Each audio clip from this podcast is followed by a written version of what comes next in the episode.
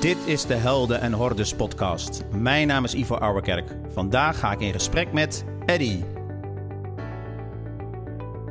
In de zomer van 2016 ontdekten we dat we een schakel waren in een netwerk van mensen die wij conscious business founders zijn gaan noemen. Bijzonder gemotiveerde ondernemers die ergens voor durven te staan. Ook als dat inhoudt dat ze daar alleen voor staan. Die 200% toewijding willen geven voor 1% groei. En zeggen: Dit ben ik. En dit is mijn bijdrage aan een meer gebalanceerde wereld. Helaas kon je niet bij al deze gesprekken aanwezig zijn. Daarom hebben we die bijzondere verhalen voor je samengebracht in deze podcast. We wensen je veel luisterplezier, maar belangrijker nog, we hopen dat jij de volgende stap gaat zetten in jouw avontuur.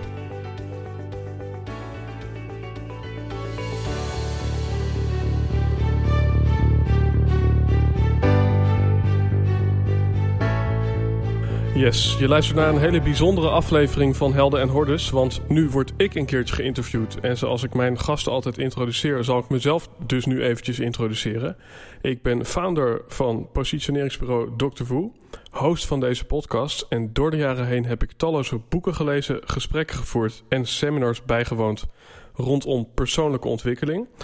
Waardoor, zoals sommige anderen zeggen, ik de ideale gesprekspartner ben voor menig succesvol bewust ondernemer.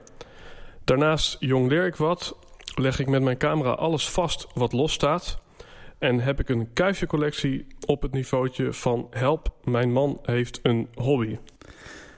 Vijf maanden geleden was ik uh, met uh, een achtal vrienden in Schotland. En toen uh, onder het genot van een glas whisky vroegen wij aan elkaar van wat zou je ooit nog eens in je leven willen doen? Ik riep gelijk radio maken. Het lijkt me zo mooi om een, uh, om een radio-host te kunnen zijn. En toen zei een van mijn vrienden, maar, maar waarom ga je dat dan niet doen? En wetende dat jij, uh, Eddie, deze podcast hebt, uh, heb ik jou gebeld. En gezegd van, Eddie, mag ik bij jou radio maken? En jij zei, Ivo, tuurlijk, kom maar. Maar onder één voorwaarde, dat jij mij interviewt en ik niet jou. Dus vandaag zit je aan de andere kant van de microfoon. Ja. Hoe is dat? Ja, bijzonder. Ehm, ja, voor mij is het net zo nieuw uh, als voor jou. Ja. En wat misschien wel leuk is, uh, ter aanvulling daaraan. Ik was bij mijn compagnon Jur, die hier achter ons zit, was ik naar een verjaardag toe. En toen zei de vader van Jur, hey, wat hebben jullie nou eigenlijk aan promotie gedaan voor jullie podcast? Nou, en we hebben natuurlijk wel wat dingetjes gedaan. Maar toen zei hij, ja, wat ik in de correspondent heb gelezen, wat heel erg effectief is, is jezelf laten interviewen. En op dat moment belde jij mij. Dus dat is ja, uh, super toevallig. Toen hebben we nog over nagedacht van... gaan we dit uh, met z'n allen hier voor de microfoon doen? Alle mensen die betrokken zijn bij de podcast. En toen dacht ik, nee, volgens mij voel ik me het meest comfortabel... bij deze plekken en deze microfoon.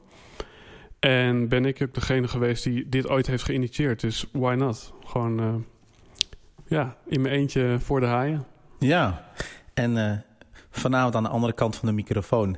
Um, uh, en, uh, of Helden en Hordes heet jouw podcast, of heet de podcast? Doe ik zelf ook altijd fout. Ik zeg ja, precies andersom. Inderdaad, je, je hebt de neiging om horden te zeggen, maar het is hordus. En jij hebt me ook uitgelegd waarom. Waarom, waarom is het hordus en geen horden? Nou, volgens de Vandalen kan het allebei. En horden staat dus voor mensen uh, als in een massa, maar ook voor obstakel. En horden is het meervoud. En hordus is ook meervoud. Maar op het moment dat jij heel snel het woord horden zegt, dan zeg je, dan hoor je horden. Uh, en dan hoor je dus eigenlijk enkelvoud. Terwijl de ondernemers die delen vaak heel veel obstakels die ze door hun leven en in hun onderneming hebben meegemaakt. En dat het zou mooi zijn als je maar één obstakel tegen zou komen in je, in je hele loopbaan. Maar dat is niet de werkelijkheid. Nope. Nope. Uh, zeker niet voor iedereen die jij uh, uh, achter de microfoon, of in, in jouw podcast hebt achter de microfoon. een podcast waarin conscious business founders hun verhaal vertellen. Mm -hmm. Je hebt gekke verhalen, hè? Uh, nou ja, mooi, mooi dat je dat zegt. Ik kan beter zeggen, ik heb er een haat-liefde mee. Uh, een mooi voorbeeld is dat ik een, in een koffietent was en er was een dame en die. Jur die begint al te lachen. Ehm, en ik was aan het wachten op mijn kopje koffie en ik zag dat die dame met een andere dame. Ik weet eigenlijk niet meer wie het waren, maar ze waren op hun mobiel aan het kijken. En ik denk, hé, hey, dat, wacht, dat, is, dat is de pagina van mijn podcast. Dus ik voelde me eerst een beetje vereerd. En later uh, toen kwam ik erachter dat ja, ze eigenlijk alleen maar een beetje bekritiserend waren van... ja, er zitten wat spelfouten in de post die je op Facebook hebt geplaatst. En daarbij dat hele verhalen vertellen hè, van, van jullie, van, van Dr. Woe en uh, Helden is dat niet gewoon... is dat niet gewoon pure marketing? Is dat niet gewoon een beetje meegaan met de trends? En toen ging ik die vraag echt even voor mezelf beantwoorden: van hoe zit dat eigenlijk? Is dat zo? En toen kwam ik er al heel snel achter van... nee, verhalen is echt mijn woord. En ik herinner me nog het moment dat ik samen met Jur... een aantal jaar geleden langs de Kampervest liep, hier eh, in Haarlem. En daar was toen nog geen grindpad, dat is er nu wel. En we waren echt naar buiten gegaan van... we willen dit zo niet langer. Het u vraagt, wij draaien voor allerlei verschillende klanten. We willen een beetje zingeving in ons werk creëren. En toen hadden we daar de propositie bedacht... wij houden van authentieke verhalen...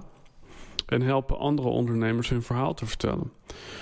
En ik herinner me nog dat ik dat echt met een champagne erbij... Uh, hm. Je hebt Janneke champagne. Uh, en die kurk die vloog ergens de gracht in. Een biologische afbreekbare kurk. Gelukkig. maar, maar dat was eigenlijk uh, heel duidelijk. En waarom? Omdat ik als kind heel duidelijk heb ervaren wat het is om te scoren met verhalen bij vriendjes. Ik kon bij de populaire jongetjes terecht als ik leuke verhalen vertelde. Ik kreeg er zelfs mijn eigen podium voor voor de klas. Maar ik heb ook gemerkt wat het is om je verhaal niet kwijt te kunnen. En dat was bijvoorbeeld het moment dat ik een naald in mijn voet had als kind. En dat ik niet aan mijn moeder kon vertellen wat ik had. En ik wees een beetje naar de grond en ze snapte het niet. Dus ik heb zo lang met die naald in mijn voet rondgelopen dat hij helemaal naar binnen was gegaan. En ik uiteindelijk een paar dagen in het ziekenhuis moest blijven totdat hij er weer uitkwam. En daarnaast, dan is hij helemaal rond hoor. Ja. Verhalen uh, heb ik ook wel eens in mijn eigen hoofd verteld. Verhalen als uh, uh, ik ben niet goed genoeg, maar vooral ook bang. Ik was altijd bang dat als ik een klein bultje had, dat ik een erge ziekte had. En nu gaan we weer even terug naar die koffietent... waar ik dus die mensen zag uh, met mijn Facebookpagina van Held en Hordes.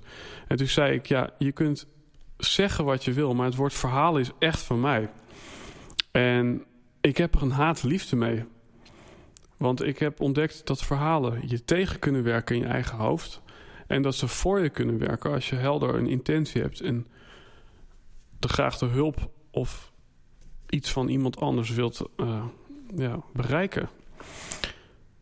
Dus uh, ja, ik hou van verhalen, maar ik haat ze ook. Ja, en wat zijn, zijn verhalen die uh, zijn dat zijn verhalen die je aan de buitenwereld dan vertelt? Andere verhalen die in jouw binnenwereld zich afspelen? Dat was vroeger denk ik een tijdje wel zo. Daar moet ik wel eerlijk over zijn. Ik um, had een vader die was uh, vaak het hele weekend aan het wielrennen. En had een drukke baan, dus die was s'avonds vaak gewoon heel moe. En ik wou maar wat graag allerlei dingen bij hem kwijt. En toen merkte ik, hé, hey, wacht eens even. Als ik nou een beetje extra peper uh, erop strooi, zeg maar... dan, uh, ik maak ze net iets smeuiger, dan, uh, dan komen de verhalen wel aan. En dat was ook zo. Totdat ik zowel op school als thuis als kind ontdekte... dat ik op een gegeven moment juist mensen op ging verliezen. En dat mijn meester op een gegeven moment zei... Eddie, is het verhaal wat je nu vertelt wel echt gebeurd? En ik weet nog dat ik met schaamrood zeg maar, voor de klas wegliep. En helemaal niet meer terug durfde te komen. Dus, dus, en daar ben ik dus wel van teruggekomen. Dus, dus eerlijkheid is voor nu een van mijn waarden. Ja, je verhalen dan moet je niet ombuigen tot praatjesmaker. Nee. En al die mensen die jij tot nu toe geïnterviewd hebt... dat zijn er zo'n ruim twaalf uh, geweest. Mm -hmm. die, uh, daar ga je op zoek naar hun verhaal? Of, of is het nou juist zo dat dit platform uh, automatisch uh, het verhaal laat vertellen van die ander. Hoe, hoe doe je dat? Nou ja, ik denk inderdaad wat je zegt. ik heb een, een, boekje bijna af met als ondertitel... voor mensen die zoeken maar niks vinden. maar ook voor mensen die zo lang hebben gezocht... dat ze het maar niks beginnen te vinden. Dus het is een beetje dubbel. Maar ik denk, hoe harder je gaat zoeken naar een verhaal hoe meer weerstand er ontstaat. Dus het is een beetje een paradox. Ik denk uh, het belangrijkste in ook deze podcast, maar ik denk ook in coaching in heel veel beroepen, is veiligheid creëren voor de ander. En dat merken we hier in de studio van Dr. Wu ook. Mensen doen hun schoenen uit. De, de meest grote corporates die komen hier in driedelig pak en die doen ineens hun schoenen uit. En dan zegt ze, ja, ik voel me hier gewoon op mijn gemak. En ik denk dat dat het belangrijkste is als je iemands verhaal wil bevrijden, om veiligheid te creëren. Ja. En ook als je je eigen verhaal wil bevrijden, dat je voor jezelf een veilige omgeving creëert.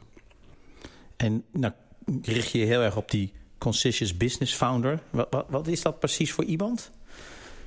Ja, ik heb het in het Engels gezegd omdat er geen Nederlands woord is voor founder. En ik vind dat wel heel belangrijk. Want uh, ja, duur woord, conscious business founder. En um, het gaat er dus niet per se om dat mensen een bewuste onderneming hebben. Um, maar ook uh, en met name om het gegeven dat ze, dat ze zelf de founder zijn. Dat, dat is namelijk. Je kunt namelijk heel, uh, als je heel rijk bent, kan je een bewuste onderneming overkopen. Ja.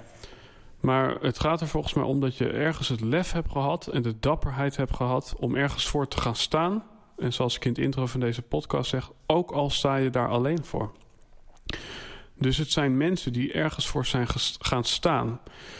En mijn eigen ervaring is dat ik wel eens uh, de afgelopen jaren een verjaardag uh, bijwoonde. En dat ik het gevoel had.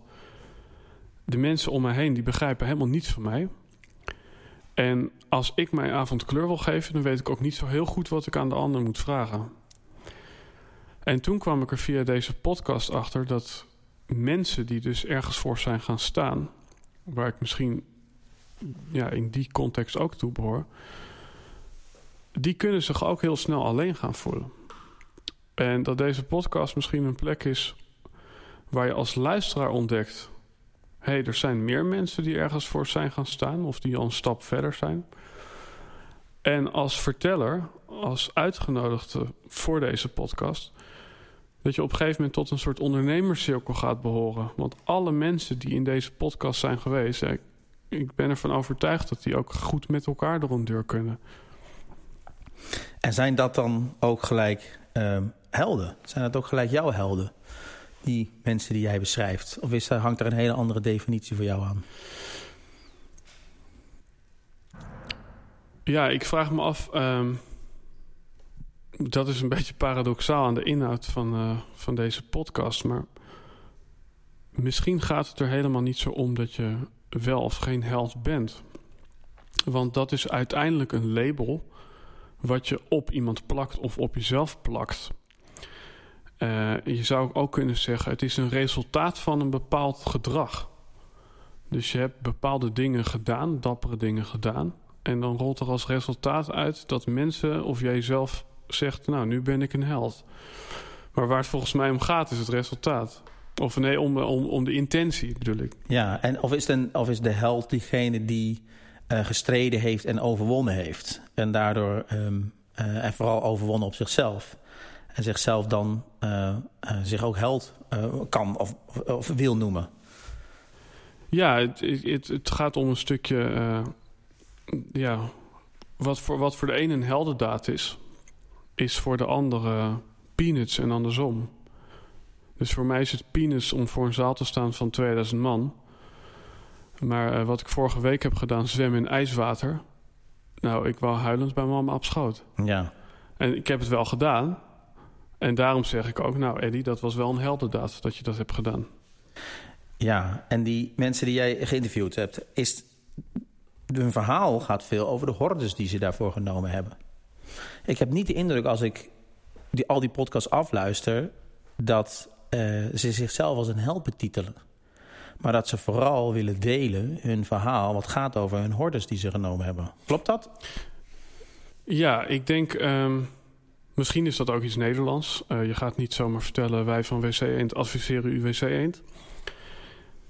Um, maar ik denk dat die paradox... Uh, daar is de laatste jaren ook wat meer erkenning voor in de wereld. Dan moet ik even denken aan Brene Brown met The Power of Vulnerability, dus de kracht van kwetsbaarheid. Ik denk dat mensen vroeger altijd dachten dat kwetsbaar uh, zijn en jezelf zou opstellen, dat het echt een no-go was. En nu is het bijna een paradepaardje. Het is bijna zo als je geen rotjeugd hebt gehad of niet je partner bent verloren of wat dan ook. ja, hoe kan jij dan wel je business runnen vanuit een authentieke plek? Ja, het lijkt we eerst de, de klap hebben moeten gehad voordat we kunnen zeggen, zie je wel, daardoor is het succes. Want ik heb ook eerst de pijn geleden. Mhm. Ja, ik zeg zelf wel eens een keer, ik vind het zo jammer dat ik een zondagskind ben. Maar uh, één ding klopt niet, want ik ben op een dinsdag geboren. uh, maar ik heb inderdaad ook wel die ervaring gehad dat uh, um, soms wel mensen, hoe heb je dat dan gedaan? En soms, soms weet je het ook niet. Dan, dan wordt er inderdaad vaak teruggegrepen op, heb je dan, um, is dit mislukt of is dat niet goed gegaan? Ben je dat geworden omdat? Mm en in die zin herken ik het, is dat het voor mij ook gaat om het verhaal te verspreiden. Dat je iets wil vertellen. Uh, ik denk dat het van eeuwen oud is. Hè? Want zelfs hè, Indianenverhaal is niet het woord wat zomaar ergens vandaan kwam. Zo, zo werd cultuur ook doorgegeven. -hmm. Is dat wat je met deze podcast ook wil? Wil je, wil je iets doorgeven? Ik denk dat um, uh, verhalen verbinden de wereld. Heb ik wel eens iemand horen zeggen. Maar verhalen zorgen ook voor dualiteit in de wereld. Want als we religiestromingen zien als verhalen, dan uh, zorgt het voor dat er mensen zijn die het Bijbelverhaal aanhangen en mensen die de Koran aanhangen. En dan zorgt het soms voor verdeeldheid. Maar het zorgt ook voor verbinding als jij deelt dat je iets kwetsbaars, kwetsbaars hebt meegemaakt. Ik denk dat um, verhaal in die zin uh, net zo uh, als geld uh, in die reclame van het is pas fout of goed. Ja. door wat je ermee doet. Maar het op zoek gaan naar je verhaal. Um, dat betekent um, dapper durven zijn. En naar je eigen onderlaag durven gaan. En op plekken te kijken waar het misschien pijn doet. Of waar angst naar boven komt. Of waarin je misschien ja, je mooie plaatje naar de buitenkant een beetje op de proef stelt. En het op zoek gaan naar je verhaal vind ik misschien nog wel belangrijker dan dat je je verhaal creëert. Ja, dat je het verhaal hebt, maar dat je Ja. weet waar het vandaan komt. Ja, En, dat je, en jij helpt ondernemers om dat te vangen. ja en, en ik denk dat het een hele mooie metafoor daarvoor is. Ook als ik kijk naar deze podcast en naar de klanten die we helpen met de VVV-methode, het verhaal bevrijden met Dr. Woe, is het rijbewijs. Want als je echt eventjes hebt gezweet in die auto, misschien een instructeur naast je hebt gehad die niet zo aardig was, misschien een keer een auto hebt aangetikt of verkeerd hebt ingeparkeerd en uh, je spaarrekening was bijna leeg, dan kom je op een gegeven moment tot een punt dat je mag afrijden. En wat doet het hem nou echt? Is het dat roze pasje? Of is het dat je naar jezelf kunt zeggen: Ik heb potverdikke me keihard geoefend en ik heb er zo lang in gezeten. Ik ga gewoon die weg op. Ik ben klaar voor de, voor, om deel te nemen aan het verkeer. En dat is wat ik ook terugzie in mijn klanten. Mensen die een week of tien of twaalf hebben gewerkt aan een verhaal en daar een harde commitment op zijn aangegaan. Die mensen die, uh, die interesseert het op een gegeven moment helemaal niet meer wat anderen ervan vinden. Die gooien het gewoon de wereld in omdat ze denken, ja, je kunt het wel niet goed vinden... maar ik heb er godverdomme twaalf weken aan gewerkt. Ja, die bepalen zelf wel Ja. of ze het een goed verhaal Ja. vinden. Ja, nou ja, of, of, het, of misschien is het wel helemaal geen goed verhaal. Maar het, het- ik denk, als je, eh, als je maar lang genoeg ergens voor hebt geknokt... dan kom je een beetje vrij te staan van wat anderen daarvan vinden. Dat denk ik. Ja, het groeit natuurlijk enorm in je eigen zelfvertrouwen, in je eigen waarde. Ja, ja. En eh, dan eh, is het voor die ander minder makkelijk om je aan te vallen, want je sterkt jezelf daarin. Mhm. Jij vertelt zelf heel makkelijk verhalen, valt mij op. Jij doet mij, dat, jij doet mij denken aan een DJ die eh, ik eh, eh, wel eens bekeek eh, in de stad Groningen, waar ik gestudeerd heb. Dan gaan we natuurlijk 160 jaar terug. Dat ik daar mijn studietijd deed en dat was nog in de tijd van de CD's. Ja, Die man had een heel groot CD-rek voor, voor zich. En je kon dan over zijn schouder meekijken hoe lang nog het nummer duurde. En dan kon hij in zeven seconden het CD'tje uit een enorme verzameling CD's pakken. Razendsnel in de tweede lade stoppen. En net op het moment dat het ene nummer afgelopen was, drukte hij op play en draaide het andere nummer. Moet, moet je zelf een goede verhalenverteller zijn om het verhaal van de ander te begrijpen? Ehm, moet je zelf een goede ja, verhalenverteller goeie zijn om, vraag. om, die, om dan... Dus ik- ik- moet je, eh, ja, moet je als instructeur zelf goed kunnen autorijden? Eh, het klinkt misschien heel gek. Ik denk dat je als instructeur zelf niet heel goed hoeft te kunnen autorijden. Maar vooral heel goed moet eh, doorhebben wanneer iemand helemaal de fout in gaat. En mijn eigen rijinstructeur, die is vier keer gezakt voor zijn rijbewijs. Ja.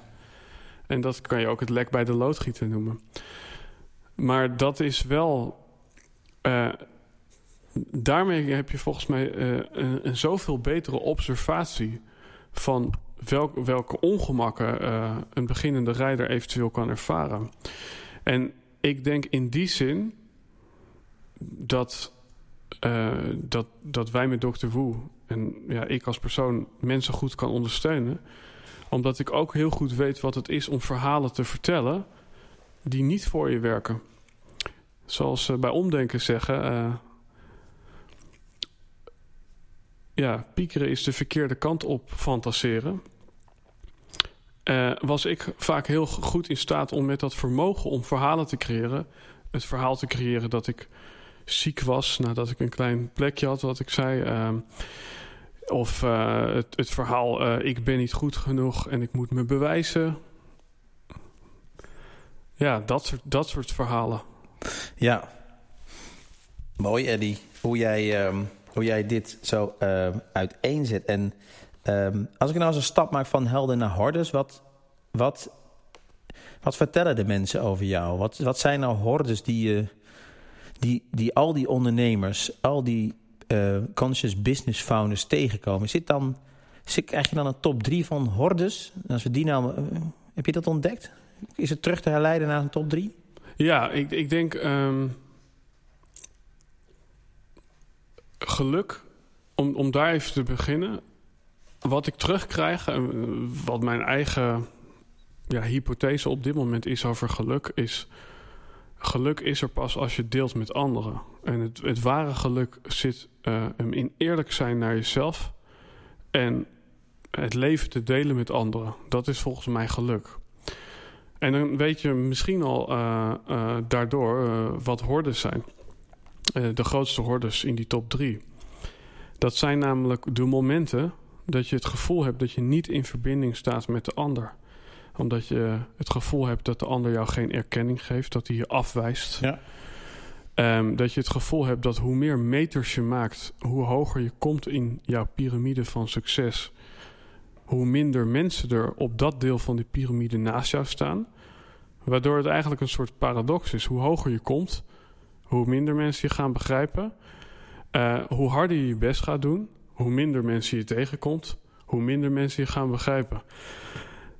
Ja, en dat is misschien eh hoorde één en meteen ook de belangrijkste. Eh, en dan ga je automatisch door in hoorde 2, want het is namelijk ja, de, de battle die je kan ervaren met de mensen om je heen. Die uit zich vaak ook in het gegeven dat je bijvoorbeeld heel hard gaat werken en dat je ineens merkt dat je relatie instort. Dus de balans tussen privé en werk, dat is eigenlijk de tweede hoorde, waar mensen veel eh, tegen oplopen. En de derde hoorde, dat weet ik eigenlijk helemaal niet. nee, ik- Nou, misschien zijn ze dat wel. Ik, denk, ik kan me voorstellen, als ik even goed te luisteren naar je eerste horde... is dat dan een horde? Of is dat omdat je steeds hoger komt... dat je daardoor steeds eenzamer wordt? Is de, eh, is de horde die je moet nemen niet de horde om vooral dan te overwinnen op jezelf? Om je eigen angsten overboord te zetten? Ja. De angst wat de ander ervan vindt, de angst voor kritiek, de angst voor afwijzing. ja, Is dat niet een universele horde die we allemaal voelen? Hè? Hoe, hoe groot of hoe klein we ook zijn, of we wel of geen ondernemer zijn. ja, en ik, ik denk dat ehm, ondernemen, wordt wel gezegd, is risico nemen. Dat je ehm, als ondernemer die weerstand, die tegenwind wat meer ervaart. Omdat je ehm, een beroep doet op je autonomie. Je doet een beroep op wat ga ik doen. En alles wat jij ook doet, dat heb jij fout gedaan als het fout Ja. gaat. En niet jouw werkgever of, of je familie of wie dan ook. Dus Nee, als je succes hebt, dan eh, staan velen naast je. Heb je geen succes, dan heb je het ook eh, alleen verkloot. exact. Ja. Ja, ja, ja. Ja, ik, ik denk dat uiteindelijk er ook helemaal geen knip loopt. En dat is ook waarom we hier zo'n mooie platenmuur hebben... met alleen maar individuen achter een band of achter een muziekstuk. ik geloof dat er een hele dunne lijn loopt tussen ondernemingen en conscious business founders. Mensen die een onderneming zijn gestart. Ik denk dat er heel veel parallellen zijn in het verhaal van Steve Jobs en het verhaal van Apple. En ehm, zo ook in het verhaal van Eddie en het verhaal van Helden en Hordes. Ja, en want dat, dat is natuurlijk één.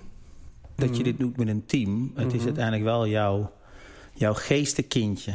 ja, Het is iets wat je, wat je. Want jij, hebt veel, jij doet veel op het gebied van persoonlijke ontwikkeling. De eerste keer dat wij kennis maakten, dat is misschien een paar jaar geleden. Toen was je daar al mee bezig. En toen vroeg ik eigenlijk aan hoe oud ben je? En ik weet dat je nu 30 bent. Mhm. Ik denk dat wij elkaar leren kennen toen jij 6, 27 was. Toen, toen deed je, en dat doe je nog steeds. Ondanks, je vertelde ook nog toen wij net wat zaten te eten samen. Dat je ook in Zweden bent geweest. Is, Mhm. is het ook, is dat een altijd, is dat, ben je daar altijd mee bezig met die persoonlijke ontwikkeling? Of is het ook een keer af? Is het ook Ehm. een keer, zijn er een keer alle hordes genomen? En kan je gewoon zeggen, ik ben een held en dat is goed? Ja, ik heb, ik heb ehm, twee jaar geleden een punt bereikt. ehm, een aantal jaar daarvoor. eh, eh, dat startte eigenlijk in Brighton in 2012. Dat ik bij gebrek aan spullen, vrienden, tv en internet... maar gewoon ben gaan lezen. Want ik had mezelf drie maanden samen met mijn eh, toen vriendin... naar, naar Engeland eh, verhuisd. En toen waren we daar en ik had gewoon geen, geen fuck te doen. En, en toen ben ik gaan lezen... En ook als je daar alleen bent, dan ga je automatisch bij jezelf naar binnen. En toen ontdekte ik, wow, het leven is maakbaar. Die American Dream. En, en alles kon. En ik kwam thuis ook, eh, jongens, alles kan. Denk En maar aan een Porsche, dan komt hij er vanzelf. Ja, en inderdaad. En, en ik kreeg mensen die, en daar heb je dus de hordes... die dat maar helemaal niks vonden. Van, eh, jezus, Eddie, ben je gehypnotiseerd? Wat is, is godsnaam met je aan de hand? Ja, heeft een secretje overgenomen. Nou, en wat gebeurt er dan als heel veel mensen zeggen dat iets niet klopt? Dan ga je nog meer bewijs zoeken. Dus toen ging ik zelfs de neurowetenschap in en dan ging ik de feitelijke bewijzen beargumenteren waarom dingen allemaal konden. En het heeft me ook echt dingen gebracht. Ik heb in die periode de beste jaren gedraaid met Dr. Woe. Ik heb de spulletjes kunnen kopen die ik wou hebben. Ik heb de reizen kunnen maken die ik wou maken. Totdat ik na een aantal jaar erachter kwam dat het belangrijkste in het leven misschien toch niet maakbaar is. Waar je geboren wordt, of je in de derde wereld geboren wordt of in Nederland. Of je wel of niet ziek wordt, of je wel of niet de ware vindt. Of ze wel of niet bij je blijft. En toen heeft zij het uitgemaakt. Dat was mijn toenmalige vriendin. En toen kwam er een soort domino-explosie van allerlei dingen die niet goed gingen. Nou, in de metafoor, ik haalde mijn rijbewijs in die week niet. Ik zakte. Ik ehm, kreeg lichamelijke klachten. Ik kwam op werk. Nou, Eddie, als je er zo eh, bij loopt, dan kan je beter thuis blijven. Ik eh, had geen huis meer. En toen kwam ik eh, bij een klant en toen vroeg die klant... Nee, toen was het een eerste meeting en toen zei Menno, mijn andere compagnon... Vertel maar gewoon eerlijk dat je vannacht niet hebt geslapen en wat er is gebeurd. En toen stond ik daar eh, s ochtends mijn, mijn voeten te vegen op de mat en ik zeg: Jongens, ik heb helemaal niks meer. En misschien heeft dat invloed op hoe ik me vandaag ga gedragen, maar. En toen zei die man: Eddie, wonen, werken, wijven, dat zijn de drie dingen die je als man nodig hebt. en ik had ze alle drie niet. Ik had er nul. Eh, en toen dacht ik: shit, ik moet als eerst even weer die woning zien te regelen. Oh, ik dacht aan wijven. Maar Ehm, nou ja, koos als je, voor een dak boven als je een rijk wijf eh, scoort... dan is de woning al je gegarandeerd. Ja, precies. Maar, en dat was eigenlijk een soort van ommekeer. En toen kwam ik op de plek van mindfulness, op de plek van Eckhart Tolle. ehm, heel veel mediteren. En toen heb ik een jaar niet gelezen, geen podcast geluisterd en geen seminars bijgewoond. En ik dacht, ik ga dat van de rest van mijn leven niet meer doen. En ik denk dat ik het het mooist kan illustreren door eh, een documentaire die ik heb gezien van David Bowie. Die na jarenlang artiest zijn, eh, geweest te zijn, op een gegeven moment op retraite ging. En toen deed hij helemaal niets meer.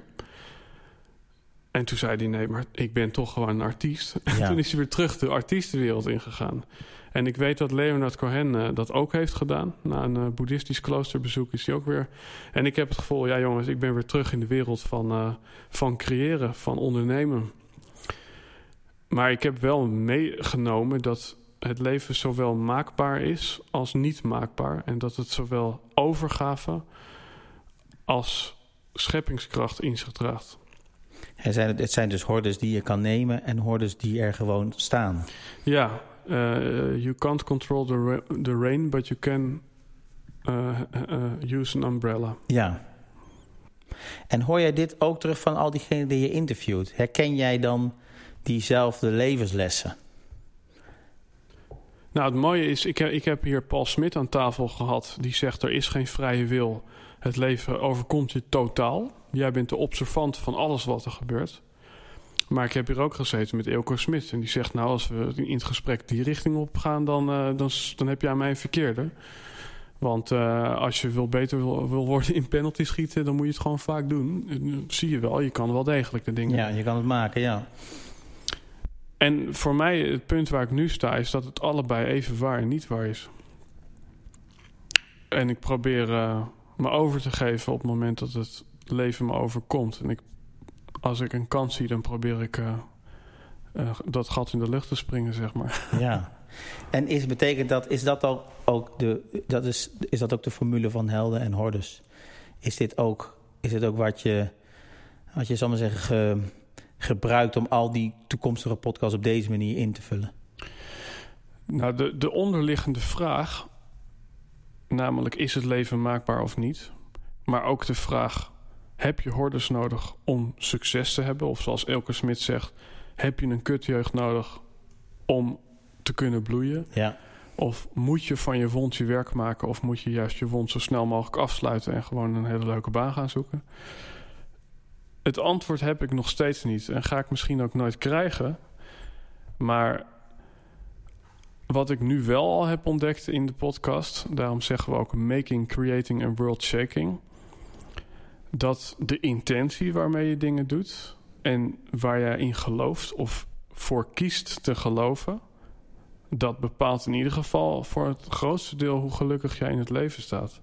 En als jij ervoor kiest om je hele leven te mediteren of je hele leven in de sportschool te staan, die keuze is vooral belangrijk en niet het resultaat. ja. En over vijf jaar, waar, eh, waar bevindt zich dan eh, deze podcast? Ja, ik Kunnen we dat- niet zo ver kijken? Ehm, dat kan, denk ik. eh, eh, nou, het grappige is, vaak als mensen zeggen over vijf jaar wil ik daar staan, dan is eh, de volgende vraag die je kunt stellen: waarom begin je daar niet vandaag al aan? Ja, Want het is vaak een overtuiging dat je nog vijf jaar nodig hebt, terwijl je gewoon al kunt beginnen. Maar waarvan ik, waar, waar, als we het dan over het nu hebben, ehm, de Helden en Hordes podcast maakt onderdeel uit van ja, een, een grotere beweging die we in de wereld willen maken.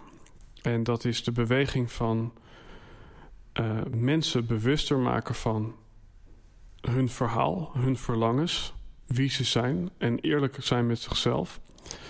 En dan is de podcast de plek waar je kunt luisteren naar verhalen van mensen die al misschien wat verder zijn dan jij. Of juist gelijken en zien dat je niet de enige bent. Maar dat is onderdeel van wat wij noemen de Dr. Wu Academy. En daar zijn we nu heel hard mee bezig. En de Dr. Wu Academy helpt mensen hun verhaal te bevrijden en op onderzoek uit te gaan om meer zingeving te creëren in hun leven. Omdat wij geloven dat als je meer zin hebt in het leven en gewoon lekker gaat maken en creëren, dan heb je eigenlijk helemaal niet zoveel nodig. Dan heb je helemaal geen spullen nodig, dan heb je geen groot huis nodig, geen grote auto. En dat geeft je een ongelooflijk gevoel van dankbaarheid en voldoening. en van vrijheid. En van vrijheid. En inderdaad, en juist die dingen die krijg je niet op school. De vragen wie ben ik en waar ben ik goed in? En wat heeft de patronen die ik nu in mijn leven doe, getriggerd? Welke gebeurtenissen hebben er plaatsgevonden? En, en dat, dat is een groot onderdeel van wat we willen doen. En daarin is de podcast een onderdeel. Maar ook een online opleiding om je verhaal te bevrijden. En een offline opleiding om samen met coaches aan je verhaal te werken. Dus we willen gewoon mensen helpen met hun verhaal.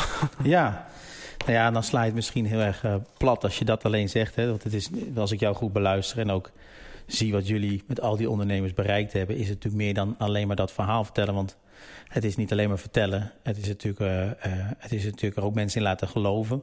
Ehm, dus mensen erop spiegelen, mensen laten reflecteren. Het is eigenlijk mensen veel meer te laten het hebben verkrijgen van zelfvertrouwen waarom ze doen wat ze doen. Dus het is niet zomaar een, een, een marketing- en positioneringsbureau wat jullie runnen. Maar het is volgens mij uh, de ondernemer naar de volgende stap brengen in hun, in hun persoonlijke ontwikkeling.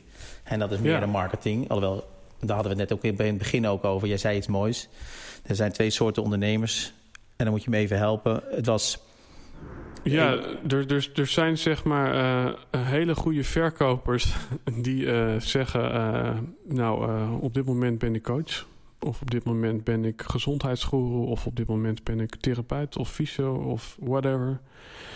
En je hebt mensen die zijn gewoon geboren als coach, therapeut, gezondheidsgoeroe en gaan daarna kijken hoe doe ik eigenlijk marketing. Ja. En ik ben ook helemaal niet vies van het woord marketing, omdat ik geloof dat marketing niets anders is dan dat wat jou zo inspireert en wat je in overvloed hebt, gewoon met de wereld te delen. En, en dat is hetzelfde als enthousiast een verhaal vertellen op die ene verjaardag. Ja, op die ene verjaardag waarin je eh, je uiteindelijk heel erg alleen voelde. Hè? Omdat daar het verkeerde publiek stond voor jou. Ja, uh, ja eh, zou je zeggen lek bij de loodgieter. Maar ook daar gaat het er volgens mij ook heel erg om hoe je communiceert. Of je mensen meekrijgt in het verhaal of niet. Ja, mooi Eddie. Op jouw eigen pagina staat ook... Uh, korte zinnen ontleent al lange ervaring. En dan ben je best in staat om, uh, om lange zinnen te gebruiken. In ieder geval uh, veel verhaal te vertellen. Um, ik vind het, uh, ik vind het mooi om, om ook te ervaren wat het is om een verhalen vertellen te interviewen. Omdat um, het, het, ja, het, het, gaat eigenlijk zo vanzelf dat jij een verhaal vertelt. Dat ik denk van ja, deze meneer heeft nog zoveel te vertellen. Wat moet je vragen? Kom je dat in jouw praktijk ook tegen? Dat je dat je... En ik weet niet precies naar welke vraag ik toe wil... maar dat je um, ondernemers hebt die um, uh, eigenlijk zo uh, uh, gesloten zijn... dat ze niet meer dat verhaal kunnen reproduceren. En dat je dus eigenlijk meer als coach aan het werk bent dan als, dan als marketeer. Ja, nee, nou, ik, volgens mij is het een hele, hele goede vraag. Uh, het, het, is ook iets waar we af en toe uh, mee worstelen. Uh, we stellen al die vraag onszelf nog steeds wel eens regelmatig. Want op een gegeven moment dachten we, mo we moeten Dr. Wu tissues gaan uitgeven. Ah. Want we zijn toch echt wel... De, de meerderheid heeft echt wel eens een traantje gelaten bij ons aan tafel. Um, ja, ik denk dat in het boeddhisme zeggen ze: A calm mind is a creative mind. En als het water stil is, zie je altijd wat er op de bodem ligt. Dus vanuit die gedachte zou je kunnen zeggen: als je het voor elkaar krijgt dat mensen zich veilig voelen, zich rustig voelen. Ja, dan ben ik er oprecht ook van overtuigd. Iedereen heeft een mooi verhaal. Dus ja, dan hoef je eigenlijk niet zoveel te doen. En vandaar ook de slogan die wij de afgelopen jaren hadden. Wij laten zien wat er al is. Wij voegen helemaal niks toe. Nee, wij halen alleen alle overtuigingen, aannames en dingen ervan af. Waardoor mensen gewoon vrij komen te staan en dan komt er altijd een verhaal. Ja. Ik denk dat dat heel nauw luistert. Ik, volgens mij bestaat er niet eens een verschil tussen, tussen marketing en coaching in die zin. Um, dat goede marketing is iemand die vrij staat om zijn verhaal te vertellen. En andersom, goede coaching is uh, iemand creëren die vol inspiratie deelt waar hij voor staat. Mooi gezegd. ja, joh, ik ben er gewoon even stil van. Ik zit even vanuit mijn uh, positie naar je te luisteren. Um, uh, Eddie, als jij nu um, eh, wat zou je nog tegen deze luisteraars over jouw podcast willen zeggen? Wat is, het, wat is iets wat, wat, nog, wat we nog niet in dit verhaal hebben gehoord, waardoor mensen, het klinkt bijna verkoperig, uh, nog meer naar deze podcast moeten luisteren? Is er iets wat jij dan nog uh, zou willen zeggen? Nou, wat ik wel mooi vind is, um, waar ik het met Menno ook over had uh, tijdens de retraite die we vorige week hadden in Zweden, van beoordeel niemand uh, op zijn buitenkant, want iedereen heeft een rugzak vol met shit op zijn rug. ja. En, en, en ik denk dat deze podcast laat zien, niet per se dat het allemaal shit is, want vaak groeien uit de modder de mooiste waterlelies, zeg maar. Maar ja, echt de, de meest bijzondere mensen, die, die hebben vaak ja, de, de, de, de meeste omwegen mo moeten nemen om, om daar te komen. En deze podcast laat zien dat, dat er een mens zit achter ieder bedrijf. En uh, dat achter iedere solopreneur ook gewoon een kwetsbare persoon staat. En iemand die heel wat tegenwind vangt. Um, ik, dat vind ik persoonlijk heel mooi om te zien. Dat, dat, dat uiteindelijk er helemaal geen hiërarchie is. En dat iedereen gewoon een mens is. En, en dat vind ik het mooiste van deze podcast. En daarom was het voor ons ook moeilijk om hem te categoriseren. Zetten we hem bij gezondheid en geest en uh, spiritualiteit? Of bij business? En ik weet het eigenlijk nog steeds niet. Ja, ik denk dat dat het wel is. Ben je, ben je, ja. En ben je zelf een held? Uh,